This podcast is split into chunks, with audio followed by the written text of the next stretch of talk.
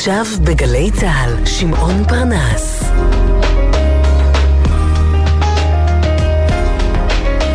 הבית של החיילים, גלי צה"ל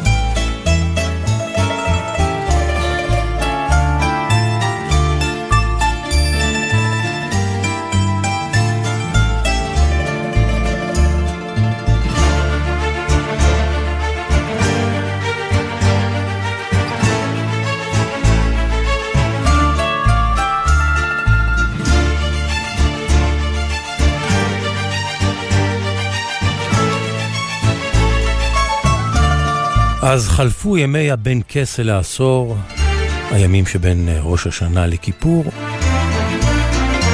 שאני יודע שהם ימים אפרויים ומכבידים גם, גם עבור אנשים חילוניים. כי יש, יש, יש משהו שבין אה, ראש השנה לכיפור, שמונח על המשקל של השנה החדשה הנכנסת.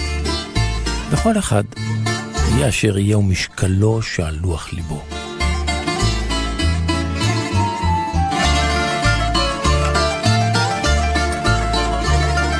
בבוקר שאחרי יום כיפור, בוקר יום החמישי בשבוע, אני יושב בחצר ביתי, לוגם קפה של בוקר. ודפיקות פטיש מחצר השכן הבהירו לי שאלי כנראה בונה סוכה. והוא, אלי השכן, לא, לא אדם דתי, ממש לא. נהפוך הוא. האמת זה סקרן אותי. ניגשתי לגדר המפרידה בין ביתי לביתו והצצתי מבעד לשיח המטפס המכסה את הגדר. ראינו את אליהו השכן, בגופייה, מכנסיים אה, קצרים, עובד במרץ כדי להתקין את סוכתו. בוקר טוב אליהו, אני אומר לו. לא זוכר שבשנים קודמות הקמת סוכה. אז מה נשתנה החג הזה מכל השנים?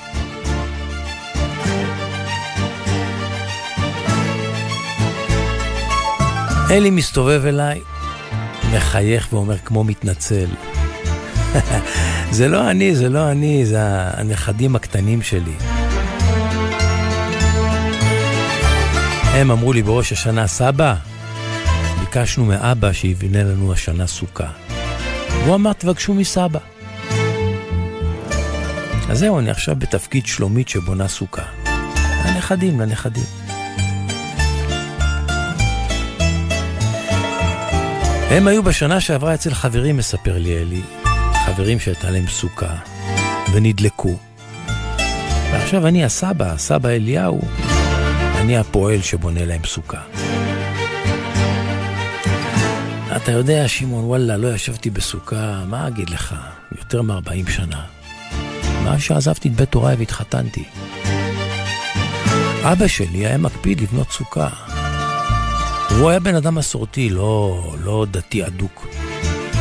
ואני זוכר שגם אני כילד וכנער, החג שהכי אהבתי היה סוכות. בגלל הסוכה והקישוטים, והעובדה שהחיים יוצאים מהבית, מהחדר אל החצר.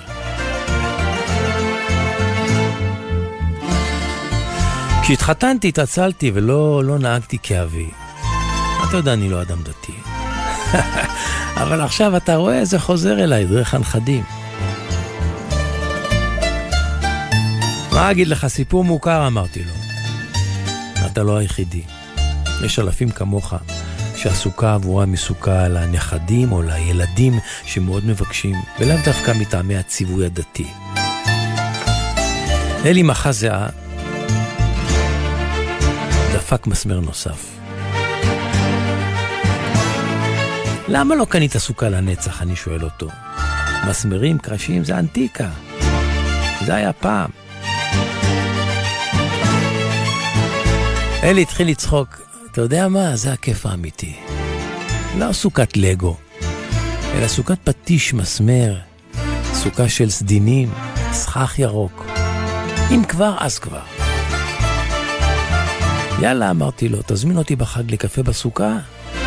עליי, עליי, אמר אלי. ואני לקחתי משלוק מהקפה של הבוקר שלי, וחזרתי לחצר שלי.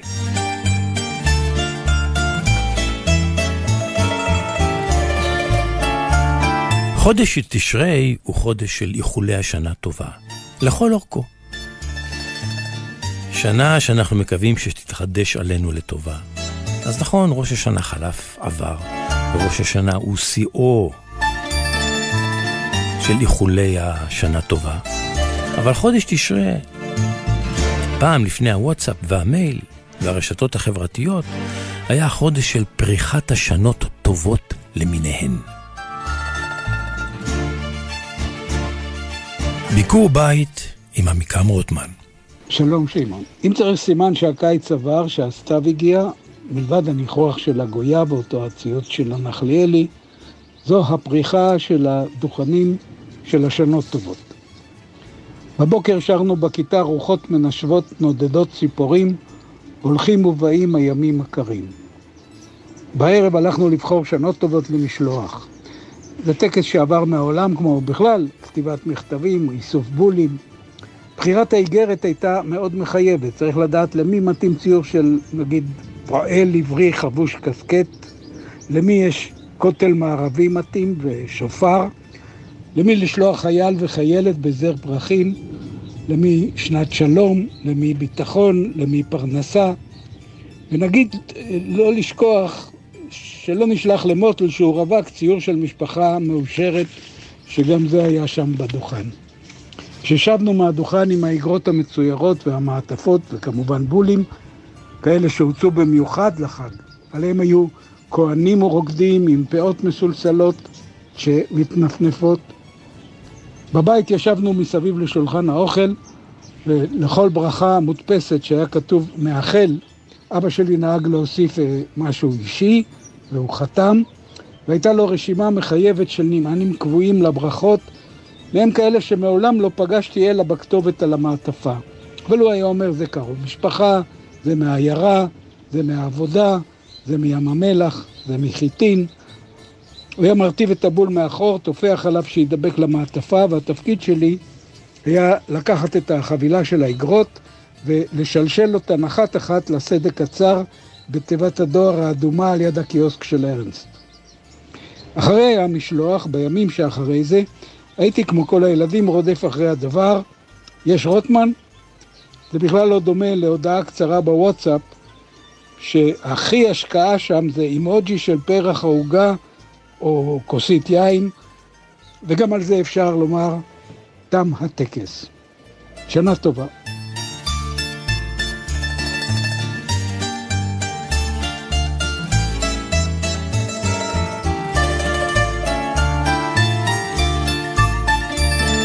העונג השישי עומר נותקביץ' מפיק, מוטי זאדה הטכנאי.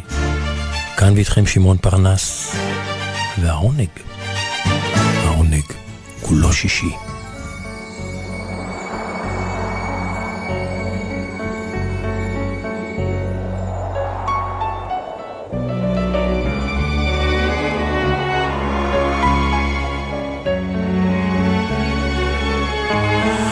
לא יודע למה, אבל השיר הזה תמיד הולך אצלי עם סתיו.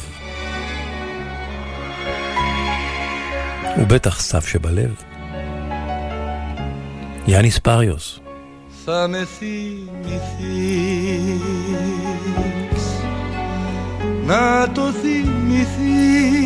זכרי אותי, הוא מבקש ממנה. όταν φύγω πια κι όταν αισθανθείς παγωνιά και τέλος τότε τι να πεις για παρηγοριά τότε θα είναι αργά τότε θα είναι αργά τότε θα είναι αργά. Θα έρθουνε στιγμές δάκρυα γεμάτες. Μόνη σου θα κλαις κλείσανε τα λες τη ζωή στις στράτες θα με θυμηθείς. Όταν πια θα δεις πόσο σ' αγαπώ θα με θυμηθείς θα με θυμηθείς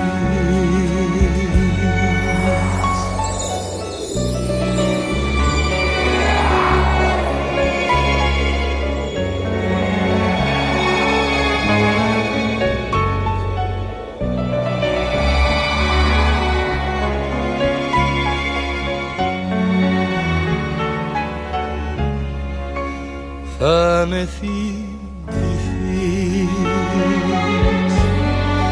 Να το θυμηθείς. Όταν θα χαθώ θα με νοσταλγείς και θα με γυρεύεις. Τότε τι να βρεις. Μες στην ερημιά τότε θα είναι αργά, τότε θα είναι αργά, τότε θα είναι αργά. Θα έρθουνε στιγμές, δάκρυα γεμάτες, μόνη σου θα κλαις, κλείσανε τα λες, τη ζωή στις στράτες θα με θυμηθείς όταν πια θα δεις πόσο σ' αγαπώ θα με θυμηθείς θα με θυμηθείς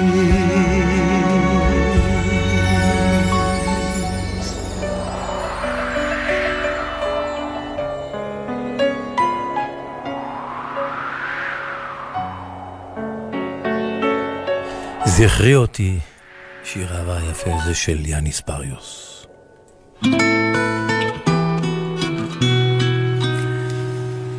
זכרי אותי, ביקש יאניס פריוס. והשיר הבא, בעברית משלנו, מספר על אדם שמבקש מידידה שלו, שתספר לו על הפגישה עם אהובתו לשעבר, שאותה לא ראה שנים ארוכות. סיפור חיים שלם מקופל בתוך המילים. שלא מנדבות פרטים או אינפורמציות ועובדות. כל אחד שיספר ויחבר את הסיפור שלו. יש כאן רק שאלות שהאוהב אותה עדיין מאוד מבקש עליהן תשובות כתוצאה מהפגישה הזאת. והמילים כל כך רגישות, כל כך עמוקות. חווה אלברשטיין כתבה את המילים, את הלחן, והיא גם זו ששרה במקור.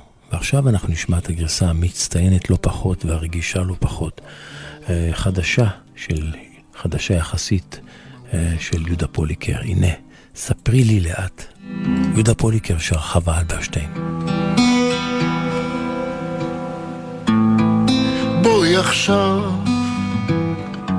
ספרי לי לאט, איך זה היה, גלי לי כל פרט,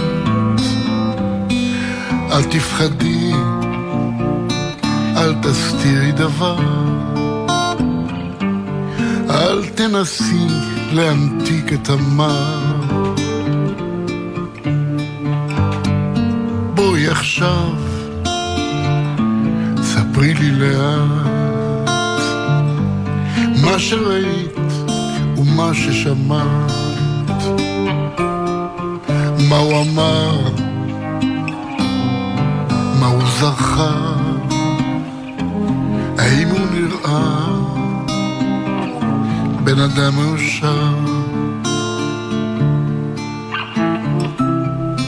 איך הוא לבוש, ואיך השיער, שזור בשיבה, או כלום לא נשאר. האם היא עמדה כל הזמן לצידו? האם הוא אחז את ידה בידו? האם הוא שומר תצלומים בארנק? האם הוא צוחק כמו שפעם צחק? בואי הביטי ישר לעיניי האם הוא שאל לו רק פעם עליי מה היא היא זוכרת? האם היא ראתה לך אישה מאושרת? ומה היא לבשה? ואיך השיער? אסוף על העורף, ארוך או קצר. האם הוא אמר כל הזמן לצידה? היא נתנה בידו את ידה? האם היא נושאת תצלומים בתיקה? ואיך היא צוחקת ואיך היא רקדה? בואי גלי לי ואל תתחמקי האם היא הזכירה אי פעם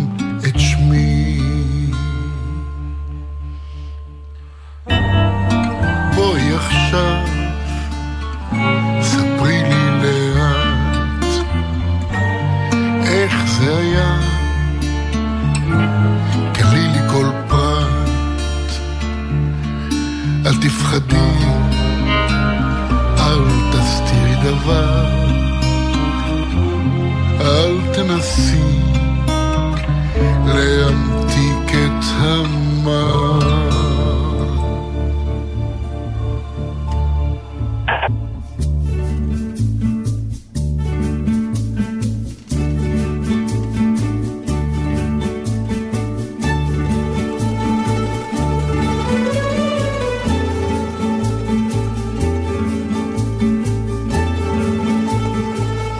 זיקוקי דינור של יום שישי.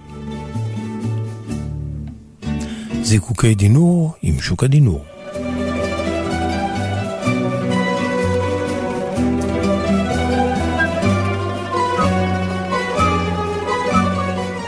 שוק הדינור, עוד מעט שבת שלום לך. כמעט שבת שלום גם לך, שמעון. עכשיו אתה כבר לא מהמהם, אתה שורק. זה עושה חשק, נו, מה לעשות? כן, ברור, נו, שינויים זה דבר חשוב. כן, שוקה. לקראת, לקראת החגים הללו, אני, יש לי איזה סיפור בשבילך, נוגע ללב, כך בעיניי לפחות. תחת הכותרת תחנת אוטובוס בנורמנדי. ואיך הוא מתקשר לחגים לדעתך? בגלל הנעימות שבו, תכף תראה. טוב, אוקיי, בוא, ספר לנו. סיפור נעים. שלחה את זה אליי מאזינה שלנו בשם תמר שרויטר אלוורס, שחיה בכלל בגרמניה. והיא מאזינה לנו מגרמניה. מגרמניה. כן. והיא שמעה, הייתה נוכחת באיזה מופע של איש קברט צרפתי, ששם הבימה שלו אלפונס, שמופיע בגרמניה. וכך הוא מספר. יש עיירת דייגים קטנה בנורמנדי בצרפת שנקראת דייפ. דייפ. דייפ. כן, היא אגב מפורסמת מתקופת המלחמה, אבל לא שייך. טוב. האוכלוסייה שלה מאוד קטנה, פחות מ-30 אלף תושבים. ובעיירה יש תחנת אוטובוס ציבורית שנושאת את השם ז'נין ורמו. אני לא יודע אם אני מבטא את זה נכון בצרפתית, ז'נין ורמו. כן. ואם תשאלו אנשים, כך הוא אומר, שמחכים בתחנה, מה מקור השם של התחנה, אף אחד לא יודע. רבים חושבים שזה שם של רחוב שסמוך לתחנת האוטובוס. אבל מסתבר שז'נין היא תושבת העיר. אישה חרוצה שעבדה כל ימי חייה לפרנסתה, בצניעות רבה, הקפידה תמיד לחסוך לימים רעים. היא הייתה בת יחידה, אף פעם לא נישאה, לא היו לה ילדים. ואז כשמלאו לה שמונים, החליטה לממש תוכנית ישנה ששקדה עליה שנים. ואז היא פנתה לנוטריון כדי להכין צבא. והנוטריון פקח עיניו בתדהמה כשז'נין הוציאה מהתיק שלה ערימה של דפים ופתקאות, חלקם מחוקים, חלקם ממערות קטנות, ועליהם רשומים שמות ותיאורים של מאות אנשים. מאות אנשים. מה זה? הוא שאל אותה. היא אומרת לו, אלה כל האנשים שעזרו לי בחיים בדרך כזו או אחרת במהלך החיים שלי. לצערי, היא אומרת, אני לא יודעת את השמות של כולם. הנה זאת למשל ברשימה הזו קופאית מהסופרמרקט שעזרה לי לארח, אה, שעזרה לי, סליחה, לארוז את הדברים. וזה הפקיד במשרד המיסים שעזר לי למלא טפסים. אני, אני זוכר שיש לו שפם, אבל אני לא יודעת איך קוראים לו. ועוד ועוד ועוד ועוד. הוא שואל אותה, תגידי, ומה את רוצה לעשות עם כל השמות האלה בהנחה שאני אוכל למצוא אותם? אני מבין שיש כאן בערך למעלה מ-300 איש ברשימות הללו. אני רוצה שתאתר את כולם, ואני רוצה לחלק להם את כל כספי לאחר מותי, בין כולם. היו לה אגב כמה מאות אלפי יורואים. והנוטריון נבהל מכמות העבודה שהוטלה עליו, אז הוא הציע לאישה להוריש את כספה לאיזה עמותה. הוא אומר, אז בכך תיטיבי עם החברה, אבל היא התעקשה. היא רצתה לחלק את כספה לאנשים שהיטיבו איתה. והנוטריון בלב שלו החלה שתחיה עד 120, וכך אולי הוא כבר לא יגיע לשם ולא יצטרך לטפל בבקשה המוזרה שלה. אבל שש שנים לאחר מכן, שמעוני, בת 86, ז'נין הלכה לעולמה. ולאחר מותה החלה עבודת מחקר של הנוטריון שארכה שלוש שנים, עד שהוא איתר כמעט את כל האנשים ברשימות שלה ובפתקים של האישה הזקנה. אבל איך כל זה קשור לאוטובוס, תשאל. מתברר שבין האנשים שברשימה היו 40 נהגי אוטובוס של העיירה, שהיו נחמדים לאישה הטובה והחייכנית. בזקנתה, היא התקשתה בהליכה והם היו עוזרים לה בכך שהם עצרו את האוטובוס ליד הבית שלה למרות שלא היה שם בכלל תחנה. אז מה רבה הייתה הפתעתם של הנהגים כשהנוטריון התקשר לכל אחד מהם וסיפר לו על הירושה שזכו בה בסכום של כמה אלפי דולרים כל אחד. והנהגים כל כך התרגשו, שהם התארגנו ביניהם מתוך רצון להנציח את השם שלה. והם פנו יחד לעיירה, לרשויות העיירה, ביקשו לקרוא לתחנה הכי קרובה לבית שלה, על השם שלה. וכך באמת היה. רשויות העיירה נאותו, ויש תחנה בעיירה הקטנה הזו, שנקראת ז'נין ורומן, על שמה של אותה אישה חביבה, נעימה, שהורישה את כל כספה. האנשים שעזרו לה בכל חייהם. זה הסיפור. יפה. סיפר לי, כמו שאמרתי, שלחה את זה אליי תמר שבויטר אלוורס. אספתי קצת אינפורמציה מתוך עיתונות צרפתית, מווידאו של אותו סטנדאפיסט קומיקאי. וחשבתי, שמעון, איזה רעיון מדליק היה לנהגי האוטובוס האלה, כמה יפה היה בכלל מצד הרשויות ליישם את הרעיון.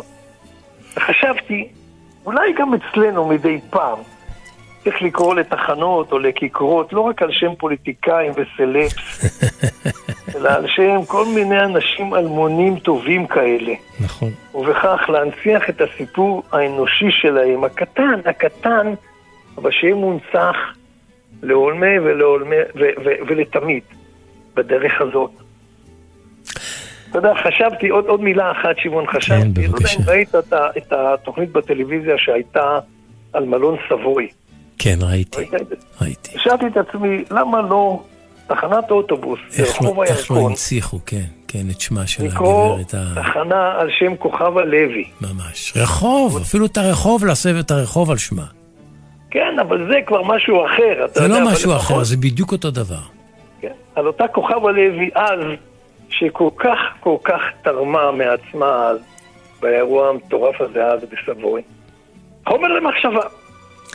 אכן חומר למחשבה. שוק הדינור, שנה טובה, חתימה טובה. שנה טובה וחתימה טובה. בשורות טובות. רק בשורות טובות. שנשוב ונשתמע. שבת שלום. שבת שלום שמעון.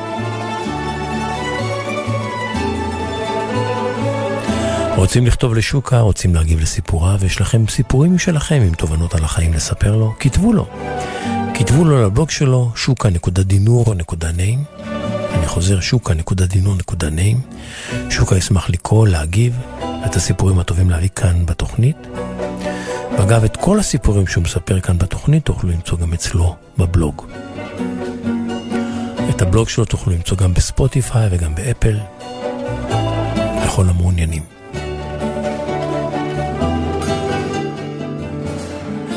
להקת נו בלוז, אני אוהב להביא אותם כאן מדי פעם, בתוכניותיה השונות. להקה אמריקאית, שחבריה הגיעו מארצות ערב והפכו להיות אה, אזרחים אמריקאים. והם אה, שילוב נדיר במוסיקה שלהם, משלבים בין בלוז לבין, לבין מוזיקה ערבית קלאסית.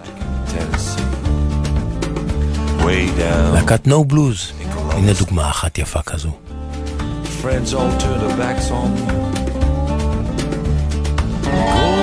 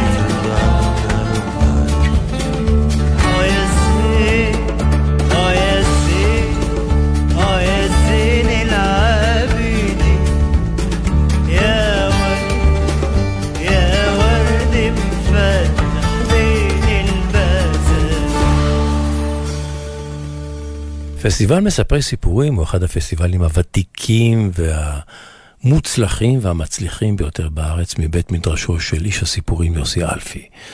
ואני הרי uh, חובב סיפורים מושבע. בגילוי נאות השתתפתי באמת בחלק גדול מהפסטיבלים של מספרי הסיפורים במהלך השנים, וגילוי נאות, גם השנה השתתף. הפסטיבל כבר יצא לדרך, ההצלחה שלו האריכה את ימי הפסטיבל שבשנים האחרונות מתחיל עוד לפני חג הסוכות ומיד אחרי כיפור. אז יוסי אלפי נמצא עכשיו על מעברו השני של קו הטלפון. יוסי אלפי, שנה טובה, איי, מה אני אגיד לך, עת שערי רצון להיפתח. תאמר לי, איזה שנה זו כבר של פסטיבל מספרי הסיפורים? אנחנו עכשיו עושים מה שנקרא את השנה ה-29. האימא שלי הייתה אומרת, וואלה, נכנסת עכשיו ל-30. תגיד לי, בעידן שבו הכל כל כך שטוח, פלטה, פלטה, כל חיינו מתנהלים דרך מסך ועל מסך, איזה סבלנות יש לאנשים לסיפורים, תגיד לי, למי יש סבלנות לסיפורים? לאלה שרוצים להבין מי הם. הם באים בדרך כלל לשמוע על עצמם. בן אדם לא הולך לשמוע סיפורים סתם, הוא הולך לשמוע, זה בעצם צריך לגעת בו. ואם זה נוגע בו, הוא שמה. עכשיו תגיד לי, אם אני אגיד לך נגיד ש... רוב נגיד, 99% מהקהל של פסטיבל מספרי סיפורים זה אנשים מגיל 40 צפונה, 45 צפונה, אני אהיה צודק? תראה, יש גם למופעי מספרי סיפורים. החבר'ה הצעירים אין להם זמן ואין להם חשק ואין להם רצון לשמוע סיפורים. זה נכון במיעוט, אבל, אבל עובדה היא שבאים גם צעירים, אבל זה לא הבעיה שלנו אם זה צעירים או לא צעירים. אלא. הכי חשוב שבאים אנשים, ובאים כדי ליהנות מעצם קיומם. הבן אדם בא ושומע סיפור ורואה את עצמו בתוך הסיפור ואומר וואלה, בדיוק הוא סיפר עליי עכשיו. אתה יודע איזה כיף זה? עכשיו, אני, אני מופיע בפני ילדים מצד אחד, הרבה מאוד במערכות החינוך, אני מופיע... אתה מבין, ילדים אוהבים סיפורים, אבל אחר כך הם גודלים, ומה קורה להם? הם מאבדים את זה. אני לא חושב. אני חושב שהבן אדם, אם אתה תיתן לו סיפור שהוא חלק ממנו, הוא יהיה שם. הוא יהיה שם. עכשיו אבל... תאמר לי, יוסי. כן. מי הוא מספר סיפורים טוב בעיניך? איזה, דרושו, איזה תכונות טובות, איזה תכונות נדרשות ממספר סיפורים טוב? מצטיין. בן אדם, בן, בן אדם שלא מדבר, אלא בן אדם שרואה תמונות, הוא מעביר אותם הלאה. ברגע שאתה רואה את התמונה ואתה מעביר אותה, הבן אדם יושב מולך, שמעון, כמו שאתה מספר לו על הטברנה שהיית בא באתונה או במקום נידח באחד האיים הכי רחוקים ואתה רואה את האי ואתה רואה את הים שמביא אותך לשם ואתה נוסע ואתה מגיע עד למקום, הבן אדם אפילו תואם איתך את האוזו. זה הכל. עכשיו תשמע יוסי, 29 פסטיבלים, 29 שנים. אם אני אבקש ממך לזקק רגע אחד בלתי נשכח, רגע מרגש מאוד מכל שנות הפסטיבל ואירועיו, על איזה, על איזה אירוע היית מספר לי? איזה רגע היית מזקק? סיפורי שלום ב-1996, שניסינו לעשות אה, סיפורי שלום, והבאנו אנשים מכל מיני מקומות, הבאנו את שגריר מצרים, שגריר טוניס, שגריר, שגריר מרוקו, הבאנו את, אפילו את האנשים שייצגו את, את, את הרשות הפלסטינית, ושמעון פרץ ישב על הבמה, וישבו אנשים שבאמת רצו לדבר שלום, וישב עלי סלם, הסופר הנודע המצרי, וישבו אנשים שאתה אומר, רבאק, איזה כיף. זה לא יכול להיות שיש פה מלחמה. אבל, אבל תשמע, זה קורה, זה קורה לנו היום, אחרי 1996, בדיוק בשנה אחרי שרצחו את רבין, לדבר סיפורי שלום, אתה יודע מה עשו לנו? אז עשו שם, אנשים ניסו לפוצץ את האירוע בזה שהם אמרו שיש באולם פצצה. אז הפסיקו את הכניסה של האנשים ואיחרו את האירוע, והיה לנו בלאגן והייתה היסטריה גדולה, ובסופו של דבר אבל האירוע התקיים. תשמע, רבים וטובים השתתפו אצלך בפסטיבל, ביניהם מספרי סיפורים מצטיינים, כאלה שכבר הלכו לעולמם. את מי היית, נגיד, מת להחזיר מעולם המתים, להחזיר אותו לאולם, להשיב אותו על הבמה ולספר? אתה לא יודע כמה אנשים מתו לנו אני, אני בטוח. בשנים האחרונות. אתה, אתה עובר על התוכניות של, ה, של הפסטיבלים ואתה אומר, זה לא יכול להיות. ואני הייתי רוצה מאוד לראות את אליהו נאווי, הייתי רוצה לראות את יוסל בירשטיין, והייתי רוצה לראות את חיים כלב עקוב, והייתי רוצה לראות את שמעון פרס, כי הוא מספר מצוין, ואני רוצה לראות אנשים שבאמת משכמם ומעלה מצד אחד, אבל בצניעות שלהם, הסיפור שלהם הוא התמונה הפנימית שלהם, האור הזה שהם רואים. אז בוא ספר לי בקצרה על כמה מהרגעים היותר אה, המיוחדים בפסטיבל השנה, מלבד האירועים שמתקיימים כמובן מדי שנה, אה, מה, מה אתם מחדשים בשנה הזאת, ובאיזה אירועים אתה רואה כאירועים אה, מרכזיים וחשובים שמזמנים? השנה אני עושה אירוע שנקרא סיפורי היפוכונדרים, העיקר הבריאות. אה, זה פעם ראשונה שאתה עושה דבר כזה? אנחנו עשינו את זה בעבר, אבל לא בסגנון הזה, אנחנו עשינו את זה... יוסי שריד היה מת לשבת שם. זה יוסי, יוסי תמיד היה פעם, נכון. אבל, אבל, אבל מעבר לזה, עכשיו אני עושה את זה עם, עם דורי בן זאב. Mm, היפוכונדר ידוע בעצמו. אבל הוא שר גם שירים על ההיפוכונדריה ועל הבריאות, וזה נורא מצחיק. ורפי קרסו יושב איתנו וינסה לנתח את השטויות שלנו. ושרית סרי, שרית סרי תשב גם כן ותדבר על זה שבעצם נשים הן לא היפוכונדריות. אבל לאט לאט, תוך כדי העניין, אנחנו מגלים שבעצם נשים היפוכונדריות באותה מידה של גברים, רק הן יודעות להחזיק את זה בפנים. וזה אחד. יש לנו אירוע אדיר. של קטרינה צירידו שמגיעה, שאתה מכיר אותה, אתה יודע, היא כן. שם היא, היא מהקילומטריה. יווניה, כן. יווניה, והיא באה עם הלהקה שלה מיוון, ואני מספר את סיפורן של הזמרות היהודיות שיצרו את הרמבטיקו, את, את האנשים ש, שעשו את העניין, את רוזה אשכנזי, סטלה יחזקאל. ועמליה וקה. וכל אלה שבעצם עד היום שרים את השירים שלהם ולא יודעים שהנשים היהודיות האלה הן שהמציאו מה שנקרא את הרמטיקו. כן. זה בשבילי אירוע מרגש מאוד, ואחד הדברים החשובים לי זה שאני ממשיך דור, והשנה אני עושה חפלה עיראקית עם אנשים צעירים מאוד, ש... טוב, זה אתה עושה כל שנה חפלה עיראקית. כן, אבל לא, הפעם אני מספר את הסיפור של צ'ארלי בגדד, שזה התזמורת הלאומית של בגדד, שכולם היו יהודים בעצם, אבל הפעם, מי שייצג אותם, זה הצעירים האלה שהם יכולים להיות אולי הבני נינים של צ'ארלס בגדד. וממש ילדים, אנשים צעירים מאוד, 20 פלוס, יושבים עם הנאי ועם הקמנג'ה ועם הדרבוקה. יפה. וזה ערב, אני, אני נורא מתרגש, עשינו חזרות, בחזרות בכיתי, תאמין לי. הפסטיבל נפתח מתי? בשישה באוקטובר, ממש כאן, הנה אוטוטו, ביום חמישי, השישה באוקטובר.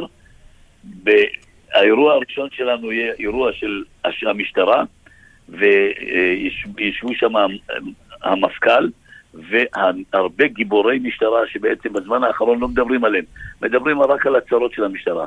אבל אתה יודע, אתה יוצא לרחוב, אתה יודע שפעם היה עורף, הייתה חזית, וברחנו מהחזית אל העורף. היום כל העולם חזית, בכל מקום שאתה נמצא. יוסי אלפי, שיהיה לכם פסטיבל מוצלח, שנה טובה, בשורות טובות. וגם חיים קוזניק תהיה שם. יאללה. להתראות, להשתמע. ביי חמוד. אז אפרופו חיים קוזניץ, הוא לא כאן בתוכנית היום, הוא יהיה בשבוע הבא. מי שרוצה לראות אותו, יוכל לראות אותו ב... היום, בתשע בערב, בתיאטרון גבעתיים, במסגרת פסטיבל מספאי סיפורים. או, אני אוהב את הגרסה הזאת. יפהפייה. במקור של להקת סהרה, מתוך הפרויקט עבודה עברית, ירדנה ארזי בחרה בשיר הזה, לבצע אותו בדואט. יחד עם הסולן של להקת סהרה במרוקאית.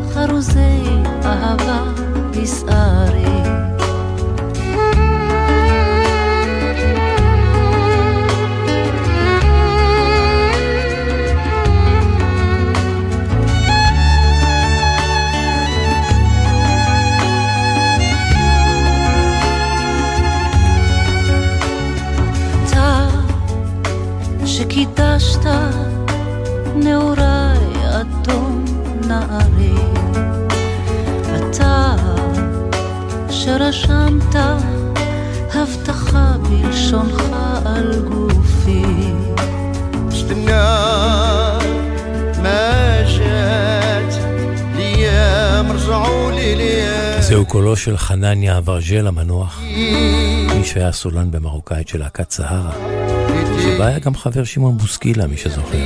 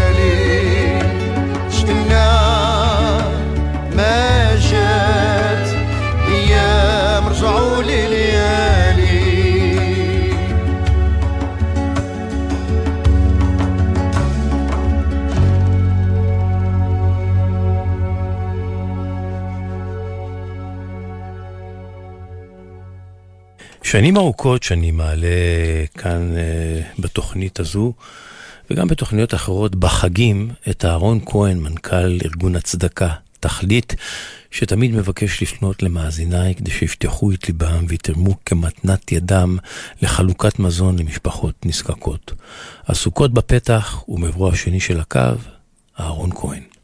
אהרון כהן, מנכ"ל ארגון תכלית, שנה טובה, חתימה טובה עדיין אפשר לומר.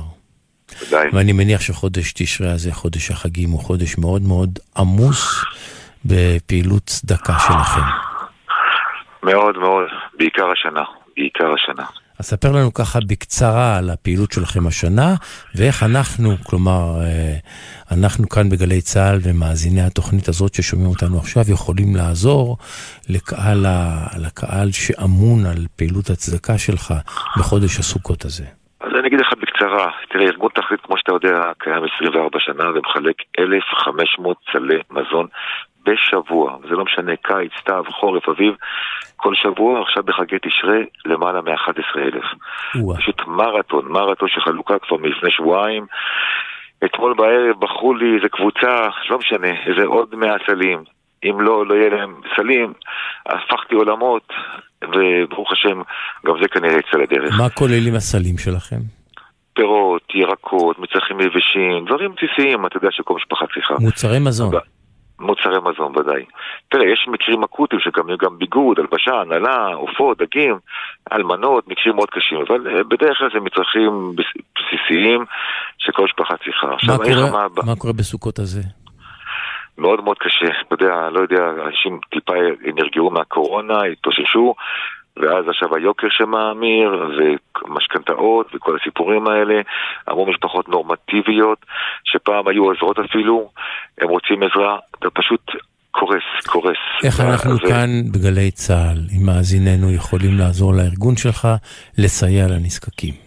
אז אני אומר דבר אחד, מאחר שאין לי זמן לספר, רק אני אגיד דבר אחד לפני שאני אספר איך אפשר לעזור. הייתי איש עסקים, שבא איתי, הנה עכשיו, היום שישי, אני באמצע החלוקה וגם של אוכל מוכן. בא איתי לחלוקה, אמר, אני חייב לראות פעם מה אתם עושים.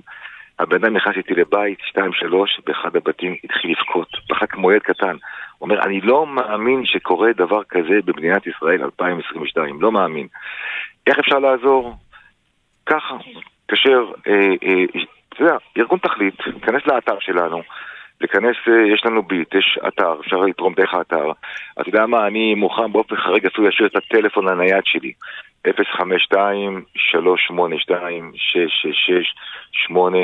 ואני אומר בואו נעשה שלא תישאר שום משפחה רעבה, תראה זה חג ארוך, צריך לקחת בחשבון. הרגשה ש, שהחגים כבר מאחורינו, אבל זה לא כך, יש לנו פה עכשיו מצוקות. תחזור שוב על מספר הטלפון האישי שלך, לאט. אני 052 382 6668 אפשר להתקשר אליי, לשלוח לי הודעה. אהרון. כהן, מנכ"ל ארגון תכלית. תודה רבה רבה לכם, חג אני מאוד מודה לך, ישראל. מאוד מודה לך על השיחה הזאת. הפעילות שלכם לך. היא ברוכה, קדושה, ואני מקווה ש... שתצליחו גם בחג הזה לעזור לאלפי משפחות בישראל. בעזרת השם, אני מודה לך, ושלא ישכחו שהחג הזה הוא מאוד ארוך. הוא לא נגמר. תודה רבה רבה. כל חג טוב, שמח. חג שמח, שנה. טובה, בשורות טובות. תודה רבה. הרב מנחם פרומן היה רבה של תקוע. הוא הלך לעולמו לפני כמעט כעשר שנים. איש מיוחד במינו, אוהב אדם ומלא נשמה. וגם באמונתו היה אחר ושונה. לאחרונה עליתי ביוטיוב על קטע נהדר שבו אהוד בנאי, חמוש בגיטרה, נפגש עם הרב ותלמידיו למעין התוועדות, שלאחריה אהוד לקח את הגיטרה והחל לשיר, פשוט החל לשיר נשמה יהודית. כשהרב ותלמידיו שרים וכמו מתפללים איתו. הנה הנשמה לך, אהוד בנאי, הרב מנחם פורמן, זכרו לברכה, ותלמידיו. הנשמה לך והגוף פרועה לך.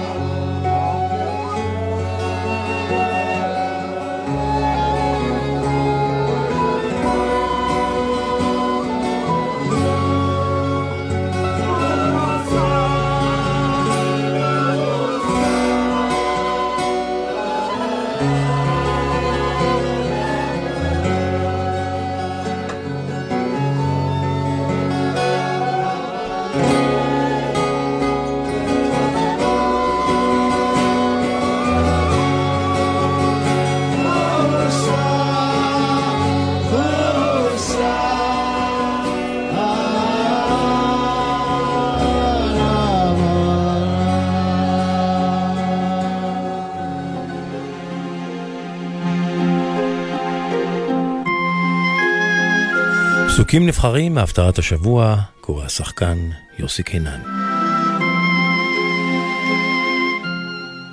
הפטרת האזינו בספר יואל, פרק ב' תקעו שופר בציון, קדשו צום, קראו עצרה. אספו עם, קדשו קהל, קבצו זקנים, אספו עוללים ויונקי שדיים. יצא חתן מחדרו, וכלה מחופתה. בין האולם ולמזבח יבכו הכהנים, משרתי אדוני, ויאמרו, חוסה אדוני על עמך, ואל תיתן נחלתך לחרפה למשול בם גויים. למה יאמרו בעמים, איי אלוהיהם. ויקנא אדוני לארצו, ויחמול על עמו. ויען אדוני ויאמר לעמו, הנני שולח לכם את הדגן והתירוש והיצהר, ושבעתם אותו, ולא אתן אתכם עוד חרפה בגויים.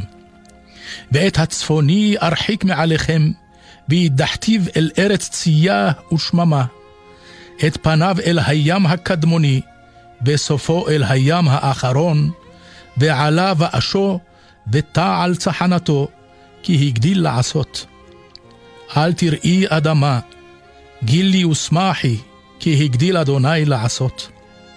אל תראו בהמות שדי, כי דשאו נאות מדבר, כי עץ נשא פריו, תאנה וגפן נתנו חילם. ובני ציון גילו ושמחו באדוני אלוהיכם, כי נתן לכם את המורה לצדקה, ויורד לכם גשם מורה ומלקוש בראשון.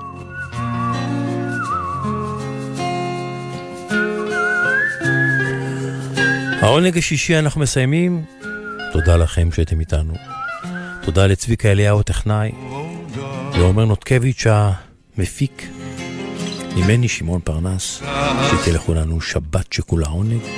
אם תרצו ניפגש גם מחר עם העונג השביעי, גלי צה"ל, בין 12 ל-2, שבת בצהריים. שבת שלום.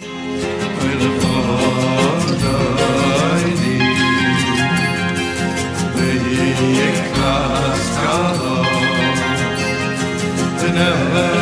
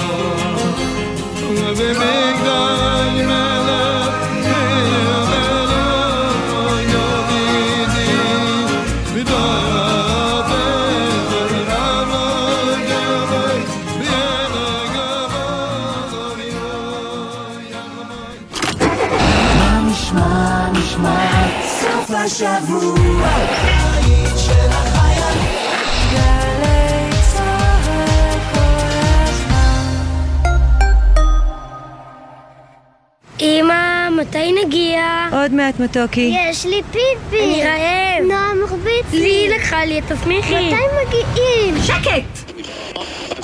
בוקר טוב, דידי. בוקר טוב, ירדן. רוצה לשמוע סיפור? רוצה לשמוע שיר?